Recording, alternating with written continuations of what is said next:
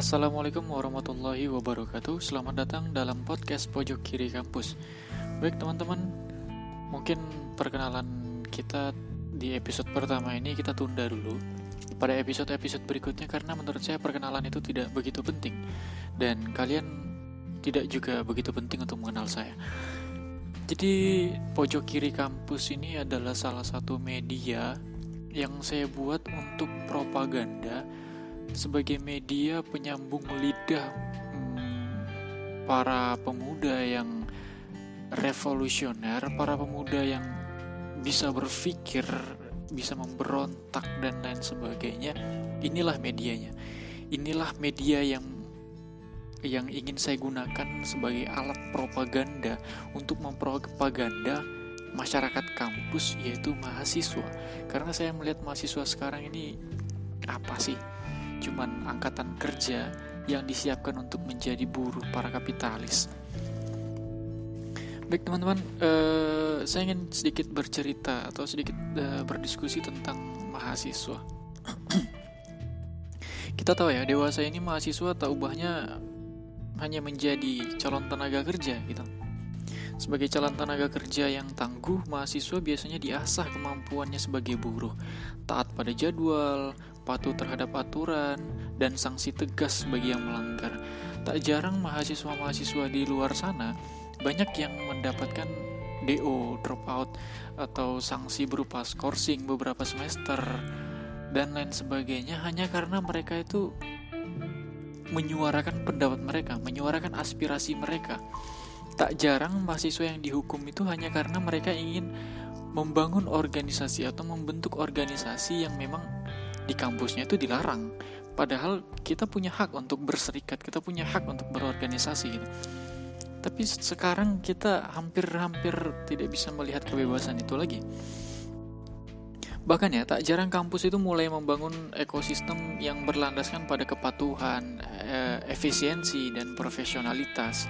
Pada masa lampau, eh, masa lalu saya sering membaca, tak ada kondisi kampus seperti ini. Kampus yang menghidupkan aturan sembari mengorbankan mahasiswanya sendiri, itu tidak ada. Hampir-hampir tidak ada. Bahkan dapat kita lihat mahasiswa se saat ini tahu bahnya seperti kawanan domba gitu. Mengapa demikian? Ya karena mereka itu hanya digiring sesuai dengan keinginan aparat kampus. Jadi kita itu seperti kawanan domba. Tahu domba kan? Domba itu digiring oleh anjing penjaganya. Begitu juga kita. Kita seperti do uh, kawanan domba yang digiring oleh para aparat kampus untuk menjadi seperti ini, menjadi seperti itu, menjadi seperti yang diinginkan oleh para perusahaan. Kebutuhan uh, para perusahaan tuh para perusahaan dipenuhi oleh pihak kampus yaitu dengan melatih atau mempersiapkan buruh-buruhnya mereka yaitu kita mahasiswa nah kadang-kadang ya kita itu cuma dipakai sebagai pasukan laga. Ya, dengan tujuan untuk memenangkan lomba. Tak jarang juga kita menjadi kawanan massa eh, yang digiring untuk membangun atau mendukung sebuah acara. Bisa acara pidato politik bisa acara misalnya ajang perusahaan mencari karyawan calon karyawan bahkan bukan hanya sebagai masa untuk mendukung acaranya kita digiring untuk menjadi panitianya bayangkan bagaimana kita tidak mendukung kaum kaum kapitalis kaum kaum borjuis itu saya kadang miris gitu ya. Saya tuh sering membaca sejarah pergerakan mahasiswa. Sejarah tuh artinya ya berdasarkan masa lalu ya. Dikisahkan bahwa di masa lalu itu tidak ada suasana di mana kampus dikurung oleh banyak aturan dan dijaga ketat oleh satpam. Di masa lalu hampir-hampir tidak ada saat ini seolah-olah kampus itu menjadi tempat di mana semua orang harus berada dalam keadaan aman, keadaan terkendali, dan bisa dimanipulasi. Jadi tidak jadi aman di sini bukan karena aman dari pencurian, aman dari misalnya sabotase dan lain-lainnya, tapi mahasiswa-mahasiswa progresif ini yang dibikin aman, dimanipulasi supaya terkendali. Jadi itu tugasnya sebenarnya para keamanan di kampus ini. Uh, terkadang sungguh uh, saya ingin melihat kampus itu seperti dalam buku-buku pergerakan mahasiswa yang saya baca, di mana kampus menjadi tempat lahirnya banyak pahlawan, sekaligus juga para pecundang. Namun di situ serunya. Jadi kampus itu tidak hanya melahirkan para pekerja, tapi menciptakan benar-benar agen perubahan. Ya mungkin saat ini dalam episode pertama ini kita harus bercerita tentang masa lalu itu. Kita harus bercerita tentang masa-masa masa-masa itu. Untuk mengingat apa sih sebenarnya mahasiswa itu? Eh, jadi saya ingin katakan bahwa di masa lampau mahasiswa itu menjadi anak muda yang menggenggam harapan, bukan hanya untuk bekerja atau menjadi sarjana. Nah, melainkan untuk ikut mengubah jalannya sejarah. Jadi tidak hanya mengikuti apa keinginan perusahaan, apa keinginan penguasa, tapi kita yang mengubah, kita ikut terjun untuk mengubah jalannya sejarah. Begitu dulu mahasiswa. Sekarang apakah kita masih bisa melihat hal-hal seperti itu? Saya pikir sedikit sedikit sekali mahasiswa yang berpikiran seperti itu. Kebanyakan mereka hanya berpikir bahwa kita kuliah, rajin belajar, lulus cepat, dapat gelar, dan bekerja. Tujuannya hanya itu. Tujuan akhirnya hanya untuk bekerja. Jadi tidak ada dalam pikirannya bahwa kita harus mengubah sejarah dengan demikian maka ya kita gampang dipengaruhi, gampang dimanipulasi, gampang disetir. Karena tidak ada jiwa atau tidak ada pemikiran yang ingin memberontak sejarah itu. Tidak ada pemikiran yang ingin memberontak sistem yang ada sekarang. Dewasa ini mahasiswa tidak ada yang berpikir, hampir-hampir tidak ada yang berpikiran seperti itu. Kalaupun ada, mungkin secara kuantitas jumlahnya sangat sedikit sekali. jika zaman zaman zaman dulu kampus itu tak semegah seperti sekarang saya sebagai salah satu mahasiswa saya cukup menyadari bahwa saat ini kampus-kampus itu berkompetisi dalam hal kemegahan gedung-gedungnya. Tidak lagi e, seberapa kritis mahasiswanya tapi seberapa besar gedungnya seberapa megah gedungnya. Sadar atau tidak sadar itulah yang terjadi sekarang. Bahkan pos satpam uh, dulu dulu itu pos satpam hampir tidak ada. Dosen-dosen mirip mahasiswa. Kalau sekarang kan dosen-dosen kita lihat seperti pendeta yang mengkotbah di depan kelas dan kita amini begitu saja. Kita hanya mengangguk.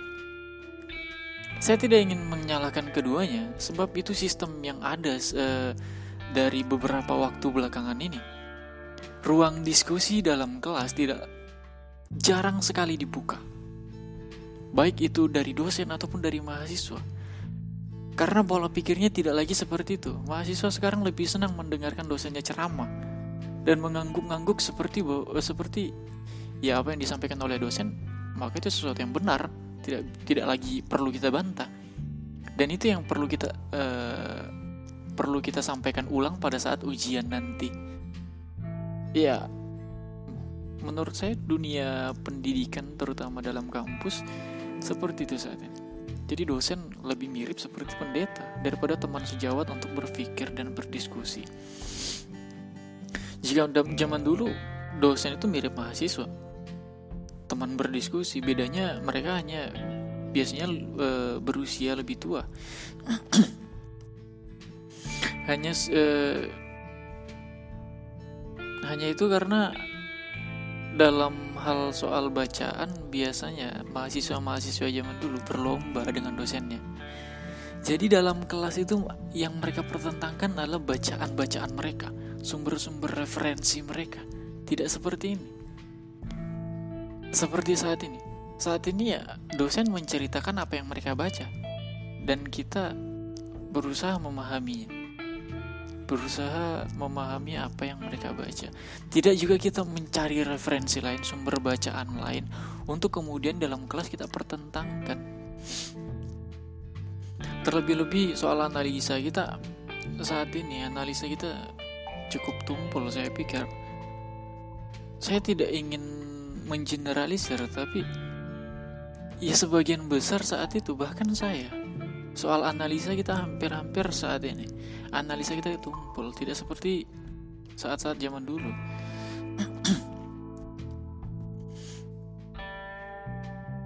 memang ya me meskipun pada saat zaman dulu itu sering ada pertentangan persoalan uh, gagasan, soal argumentasi, tapi mahasiswa memang tidak sepintar dosennya. Ya meskipun meskipun sering berdebat, bagaimanapun juga mahasiswa zaman dulu tidaklah sepintar dosennya. Namun ya mereka sering membantah gagasan dosen itu yang tidak ada sekarang. Hampir-hampir tidak ada sekarang. Jarang sekali saya melihat bahkan di diri saya ketika dalam kelas kita membantah gagasan-gagasan dosen. Jadi saat saat zaman dulu itu ya perlu saya ceritakan bahwasanya kelas itu bukan tempat untuk orang berdoa di mana yang ada hanya diam dan mengangguk-angguk. Kelas itu ya benar-benar seperti ruang pertarungan ide. Jadi kita saatnya berkelahi sama dosen ya di dalam kelas, tapi berkelahinya bukan berkelahi fisik. Jadi apa yang kita pertarungkan, apa yang kita perkelahikan itu ya ide, gagasan, argumentasi.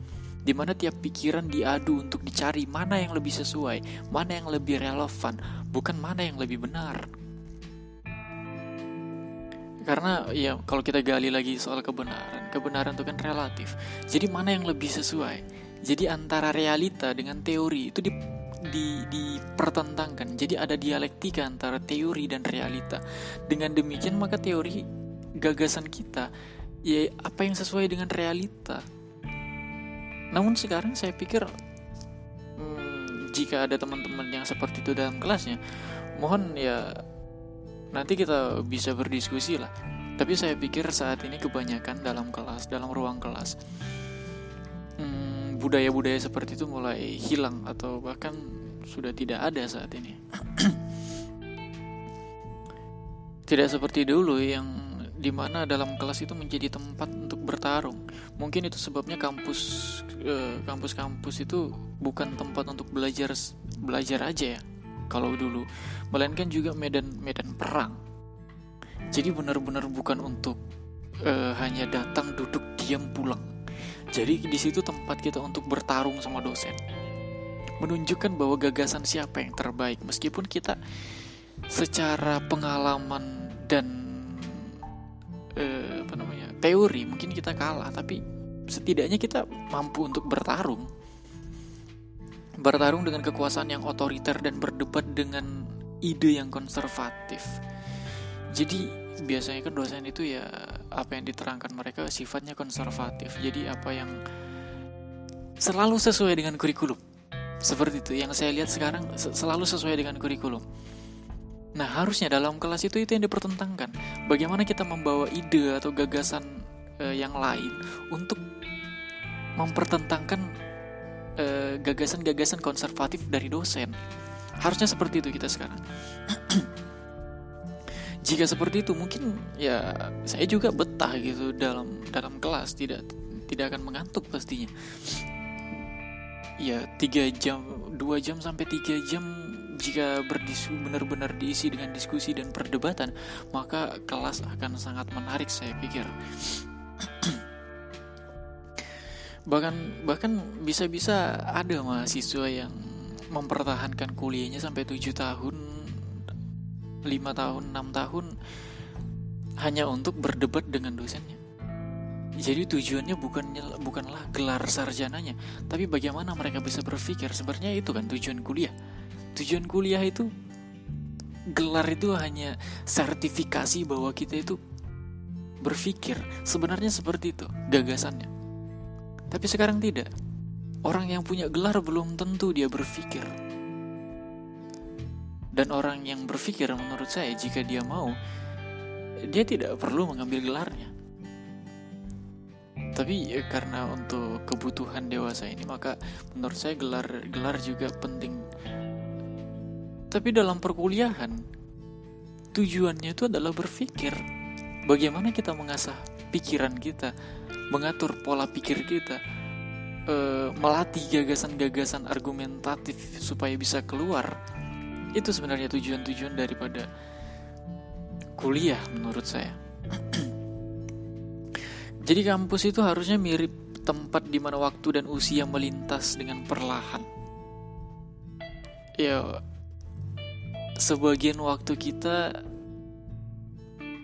eh, begini.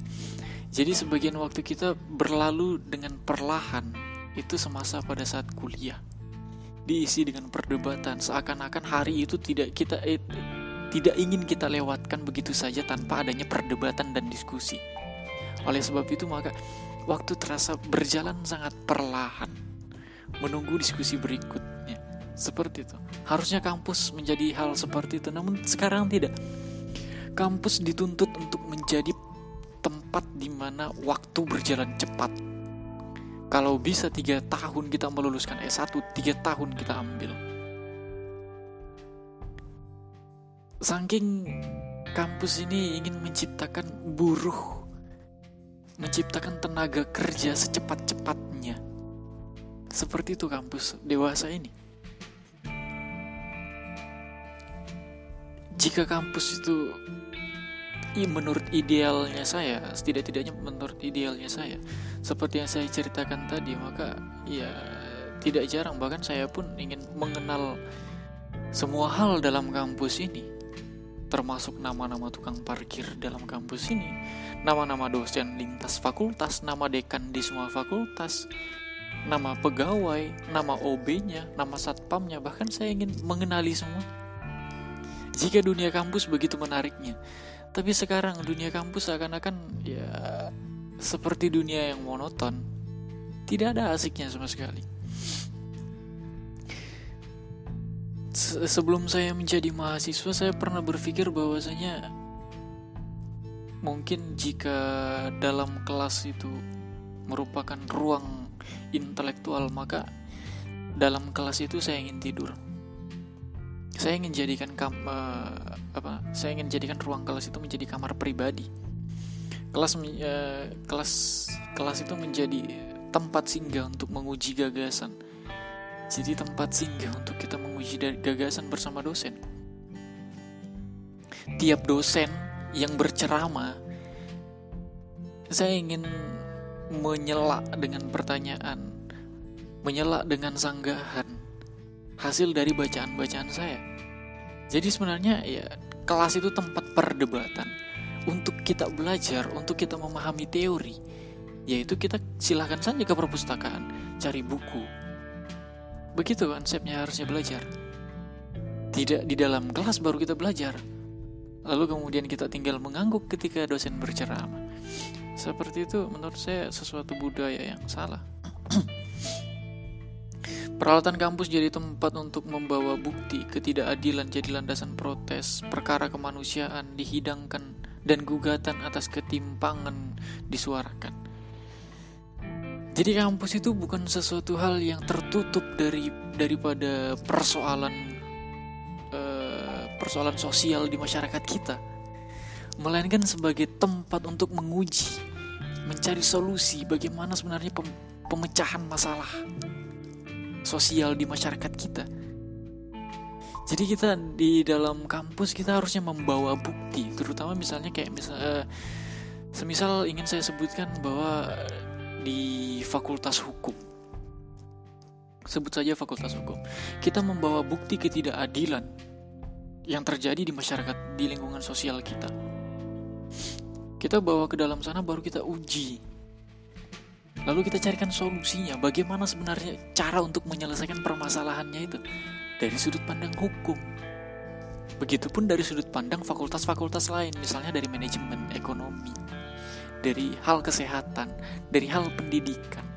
Semuanya saya pikir, saya pikir relevan untuk menyelesaikan masalah-masalah sosial. Tidaknya kita menutup diri dari permasalahan sosial. Seakan-akan yang kita pelajari dalam kampus itu hanya teori. Dan kita menutup mata terhadap realita.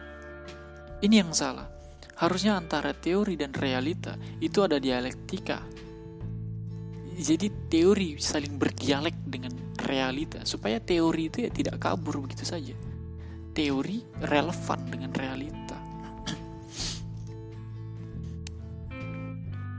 Saat ini ya apa sih peralatan-peralatan dalam kampus?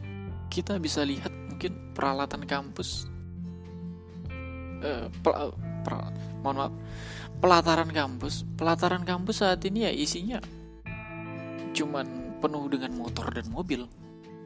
Mobil berjejer-jejer begitu pun motor. Mobil-mobil mewah. Ya saat ini dunia kampus hiasannya seperti itu. Semakin banyak mobilnya maka semakin elegan kampus itu di sana ya terdapat mahasiswa yang saling tertawa dan bercanda sangat sulit sekali untuk menyaksikan kelompok mahasiswa yang berdiskusi di, pelataran kampus, terutama membaca, apalagi mencetuskan aksi-aksi, iya semacam aksi-aksi untuk menyuarakan aspirasi mereka. Saat ini di kampus hampir-hampir tidak ada. Jikapun ada, seperti yang saya sebut tadi, kuantitasnya sangat sedikit sekali. Maka pejabat-pejabat kampus itu seperti kawan. Rektor bukan atasan tapi orang tua. Pada zaman dulu ya. Pada zaman dulu rektor itu bukan atasan. Jadi gapnya itu tidak terlalu jauh. Namun menjadi orang tua yang sayang terhadap kita para mahasiswa. Para-para mahasiswa yang radikal pada saat itu diperlakukan sebagai anak-anaknya yang harus didengarkan. Jadi bukan sebagai musuh, bukan sebagai kriminal yang harus di yang harus dimusnahkan. Jadi rektor begitu dekatnya dengan mahasiswa ketika dulu. Sampai-sampai mahasiswa yang radikal yang menjadi temannya berdiskusi, mendengarkan pendapatnya tidak seperti sekarang. Ya mungkin teman-teman paham sendiri ya, situasinya sekarang seperti apa. Saat ini juga hmm, situasinya berbeda dengan dulu. Di mana terhadap mereka mahasiswa yang telat bayar rektor itu mau menjadi jaminan dalam beberapa beberapa kampus ya. Saat zaman dulu ya rektor ingin mau menjadi berani menjadi jaminan ketika ada mahasiswanya yang telat bayar. Telat bayar SPP sedangkan untuk mereka yang patuh diajaknya untuk berbaur dengan yang radikal. Jadi mahasiswa radikal tuh bukan sesuatu yang haram dulu. Bukan sesuatu yang harus dimusnahkan dulu. Tapi menjadi panutan Bagaimana mahasiswa radikal itu mampu berpikir kritis, mampu peka terhadap permasalahan sosial di masyarakatnya. Bahkan mahasiswa-mahasiswa yang patuh, rektor rektor dulu menyarankan supaya dekat dengan mahasiswa yang atau berbaur dengan mahasiswa yang radikal supaya mereka memiliki kemampuan bernalar dan berpikir kritis. Saat ini saya pikir sulit untuk menemukan hal-hal yang seperti itu. Ya singkatnya, rektor itu menjadi payung pelindung perbedaan. Jadi dia yang menjadi penyambung, menjadi tali di antara perbedaan itu. Si kaya, si miskin, si bodoh, si pintar, si tekun, si pemberontak, dan lain sebagainya. Saat itu ya kuliah seperti belajar untuk memahami hidup dan melihat tauladan. Jadi beda dengan saat ini. Saat ini saya pikir perkuliahan menjadi tempat untuk menyiapkan kehidupan. Padahal disadari atau tidak, perkuliahan ya kehidupan itu sendiri. Perkuliahan bukan tidak berbeda dengan kehidupan. Perkuliahan bagian daripada kehidupan itu. Jadi salah jika kita mengira bahwa perkuliahan adalah tempat untuk mempersiapkan kehidupan. Sehingga jika kampus menjadi bagian daripada kehidupan kita, bukan gelar lagi yang akan kita banggakan, tapi atas perlakuan perlakuan itulah kita akan sadar bahwa menjadi mahasiswa sesungguhnya jalan mendaki kematangan. Matang sebagai cendikiawan sekaligus matang menjadi aktivis. Jika jika kita sudah matang, maka tidak sulit kita untuk menciptakan sesuatu. Tidak hanya bekerja pada orang, tapi kita juga memiliki daya cipta. Sebab kita mat, sudah matang jika kita matang hanya sebagai pekerja ya selama-lamanya kita akan menjadi pekerja. Nurut apa kata orang, patuh terhadap perusahaan, ya kita tidak memiliki daya cipta sama sekali.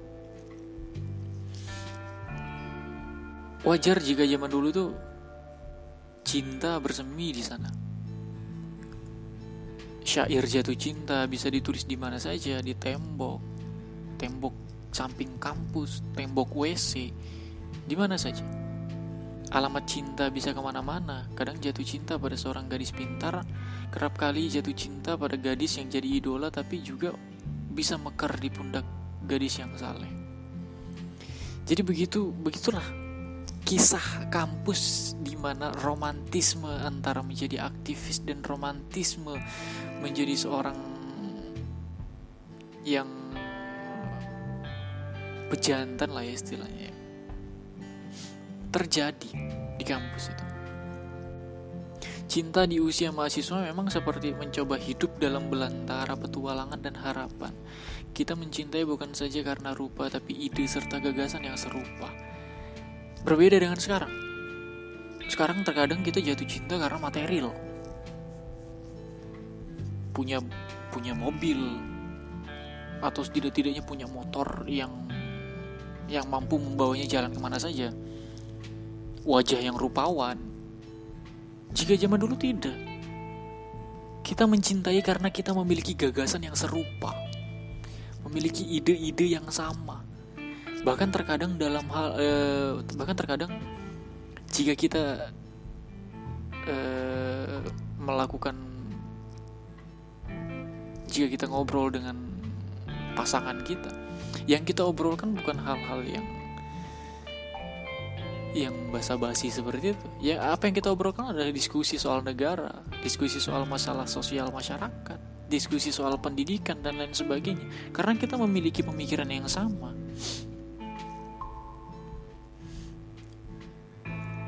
Jika zaman dulu tuh cinta diutarakan lewat puisi, gitar, dan buku yang jadi senjatanya. Lewat puisi, rayuan itu bicara dengan kata-kata indah yang berterbangan. Gitar membuat cinta jadi sebuah jembatan melodi. Kemudian buku membuat cinta seperti sebuah lembaran cerita yang tak habis-habisnya. Itulah mengapa pada saat itu hidup mahasiswa padat dengan kisah romantika di balik bangunan kampus ada kisah indah yang terkubur, hanya cinta yang bisa meluas ke mana-mana. Cinta pada keadilan membuat kita kerap kali menggugat tatanan kekuasaan. Cinta pada kebenaran membuat kita terkadang bertarung melawan kezoliman. Cinta pada kemanusiaan terkadang membuat kita mudah sekali bangkit nyalinya untuk melihat ketimpangan. Tidak seperti sekarang. Jatuh cinta seakan-akan hanya milik kita berdua. Tidak ada cinta kita pada keadilan, tidak ada cinta kita pada kebenaran, tidak ada cinta kita pada kemanusiaan itu. Sekarang udah, sudah hampir-hampir hilang. Cinta dimaknai terlalu sempit. Saat ini saya ingin bertanya, apakah suasananya tetap sama? Apakah kita masih bisa melihat hal-hal yang seperti saya sebutkan tadi?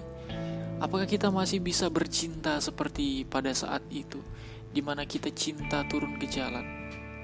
Di mana ketika kita mojok, kita mojok di jalanan bersama dengan kawan-kawan yang lain menyuarakan aspirasi masyarakat kita. Ketika kita mojok-mojok bersama buku, gitar, dan puisi untuk menggali gagasan baru. Apakah, apakah mahasiswa masih sama seperti itu? Mari kita berba, uh, mari kita, saya ingin mengajak mari kita sama-sama untuk mencari mahasiswa itu kembali. Dan jika kita tidak menemukannya, maka saya pikir kita harus menjadi seperti itu. Terima kasih, mungkin ini episode pertama dari saya. Uh, dan ini episode pertama pojok kiri kampus. Sekedar menceritakan bahwa Begitulah sejarah romantisme mahasiswa pada zaman dulu. Saat ini saya ingin mengajak kita juga untuk merenung bagaimana mahasiswa saat ini. Sampai bertemu di episode selanjutnya. Goodbye.